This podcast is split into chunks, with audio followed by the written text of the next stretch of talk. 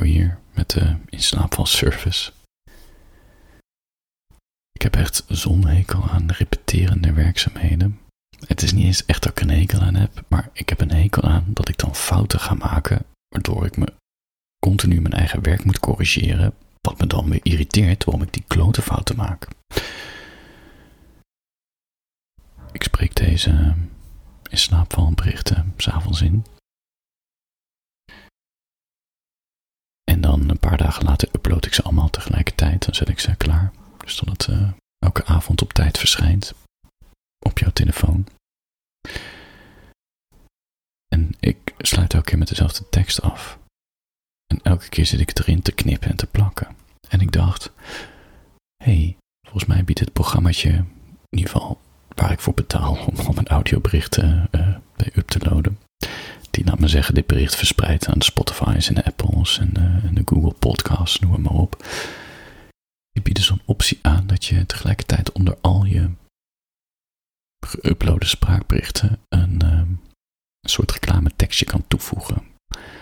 Begin en aan het eind, uh, audio. En ook dat je uh, in de omschrijving van de episode ook wat toe kan voegen. Dus ik dacht, wow, wat ben ik idioot bezig geweest. Ik deed tijd maar dat spul knippen en plakken. Weer de zoveelste keer fouten maken omdat ik er weer niet bij ben met wat ik aan het doen ben. Ik moet het gewoon één keer goed doen. En ik dacht, ja, zal ik dan weer reclame ervoor en achter doen terwijl je probeert in slaap te vallen? Nou, ja, ik moet iets van geluid uploaden, anders kan ik die tekst niet aanpassen. Dus ik heb het hele internet afgestruimd op zoek naar een boeddhistische gong. Dus nu hoor je elke keer als mijn berichtje begint ja, nou ja, als je het niet hebt gehoord, dan ben ik het blijkbaar zat. Maar als die er wel in zit, dat is dus de reden. En vervolgens heb ik die gong zo geüpload. Ik heb echt heel veel geanalyseerd. En ik ging me dacht ik, wat ben ik aan het doen? Het is maar een gong, doe niet zo ingewikkeld. Dit is hem gewoon. En ik upload het en dan kan je een tekst aanpassen. Dus ik had al een heel tekstje gemaakt, zo'n terugkerend tekstje van, uh, weet ik veel, 200 woorden. Mag ik maar 500 tekens gebruiken? Dat is zo weinig, 500 spaties. Uh, ik kon net drie zinnen erop zetten. Oh. En ik had al alles eraf zitten halen. Dus ik heb echt al die 30, 40 episodes. Nee, we staan nu op 20 of zo, 25. Had ik al mijn vaste teksten weer gedelete. Dat ik dit kan uploaden is maar 500 tekens. Met als gevolg dat ik alles weer opnieuw erop kon zetten. En dat is repeterende werkzaamheden. Met als gevolg dat ik weer foutjes heb zitten maken. Kortom, het leven is een cirkel. Goed, voordat je voor je in slaap valt, dacht ik, uh, misschien moet ik een tekstje voorlezen. Um, nee, ik ga geen tekstje voorlezen. Ik ga je wat uitleggen. Dit is echt heel gaaf. Ik hoop niet dat je er te actief van wordt, want de bedoeling is wel dat je een beetje in slaap dommelt. Maar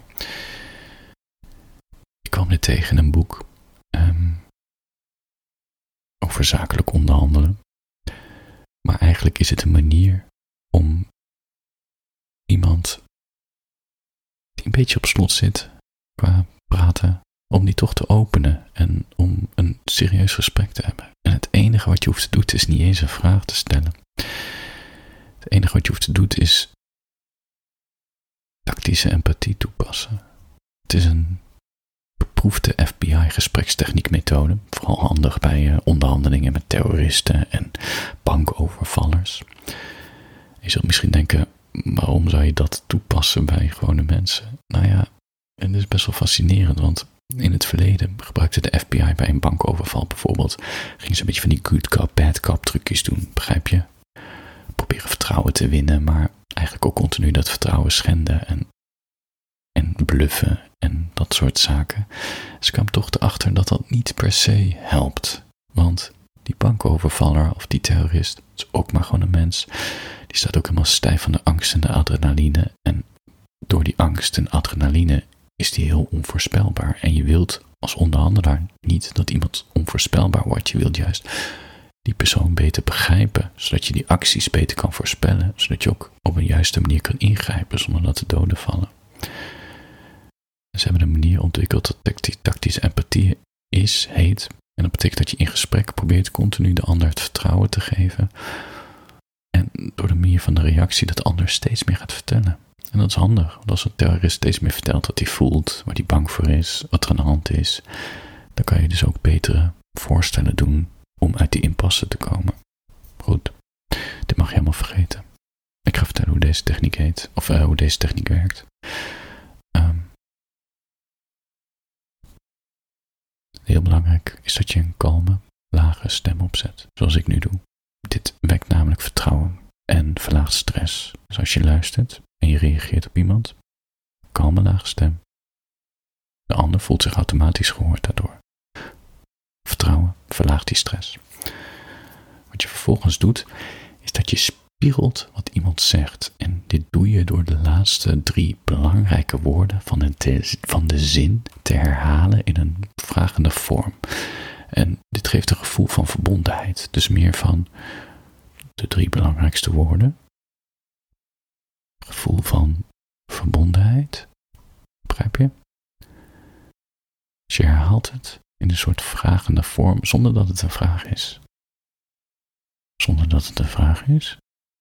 Kijk, dit nodigt dus uit, zo'n reactie om door te vertellen. Belangrijk is wel, laat minimaal 4 seconden stilte vallen en wacht op antwoord. Je bent heel snel geneigd, omdat iemand niet reageert, om dan alsnog een vraag te stellen of alsnog wat te vertellen. Niet doen. Laat de stilte zijn werk doen.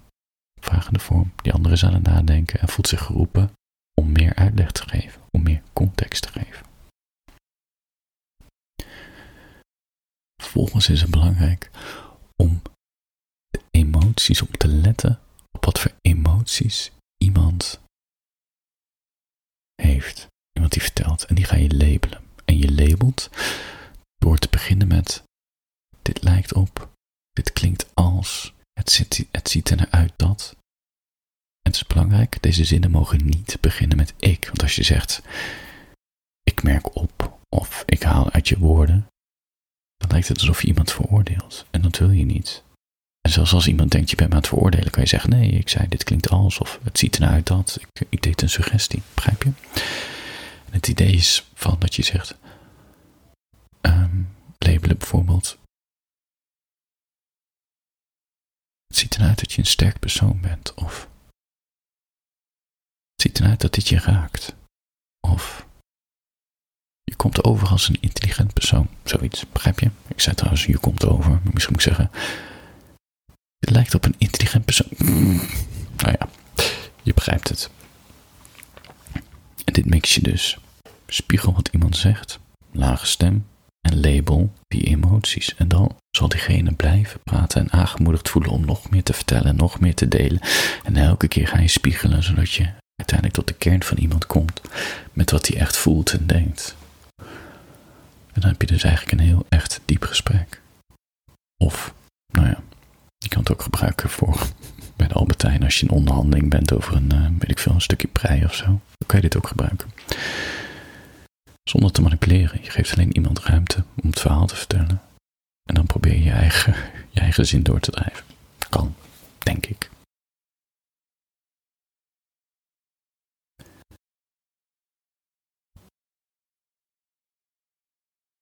Goed, ik wou zeggen, doe je hier voordeel mee. Ik wou nog zeggen, voor je gaat slapen.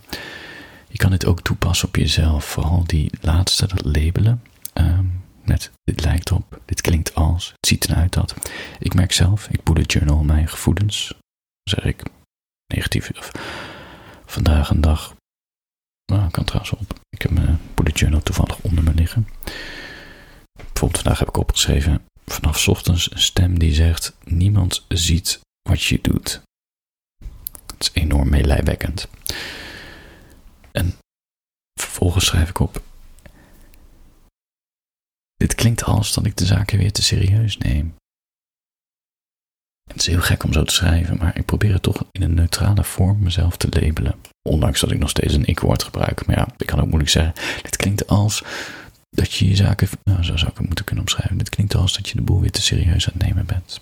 Dan denk ik, ja, ik neem de boel inderdaad serieus. Ik moet niet zo serieus zitten doen. Ik moet niet zo medelijwekkend zitten doen. Want niemand ziet wat je doet. Boeien, doe gewoon je ding. En het komt vanzelf allemaal wel eens een keertje weer jouw kant op gerold. Of zoiets.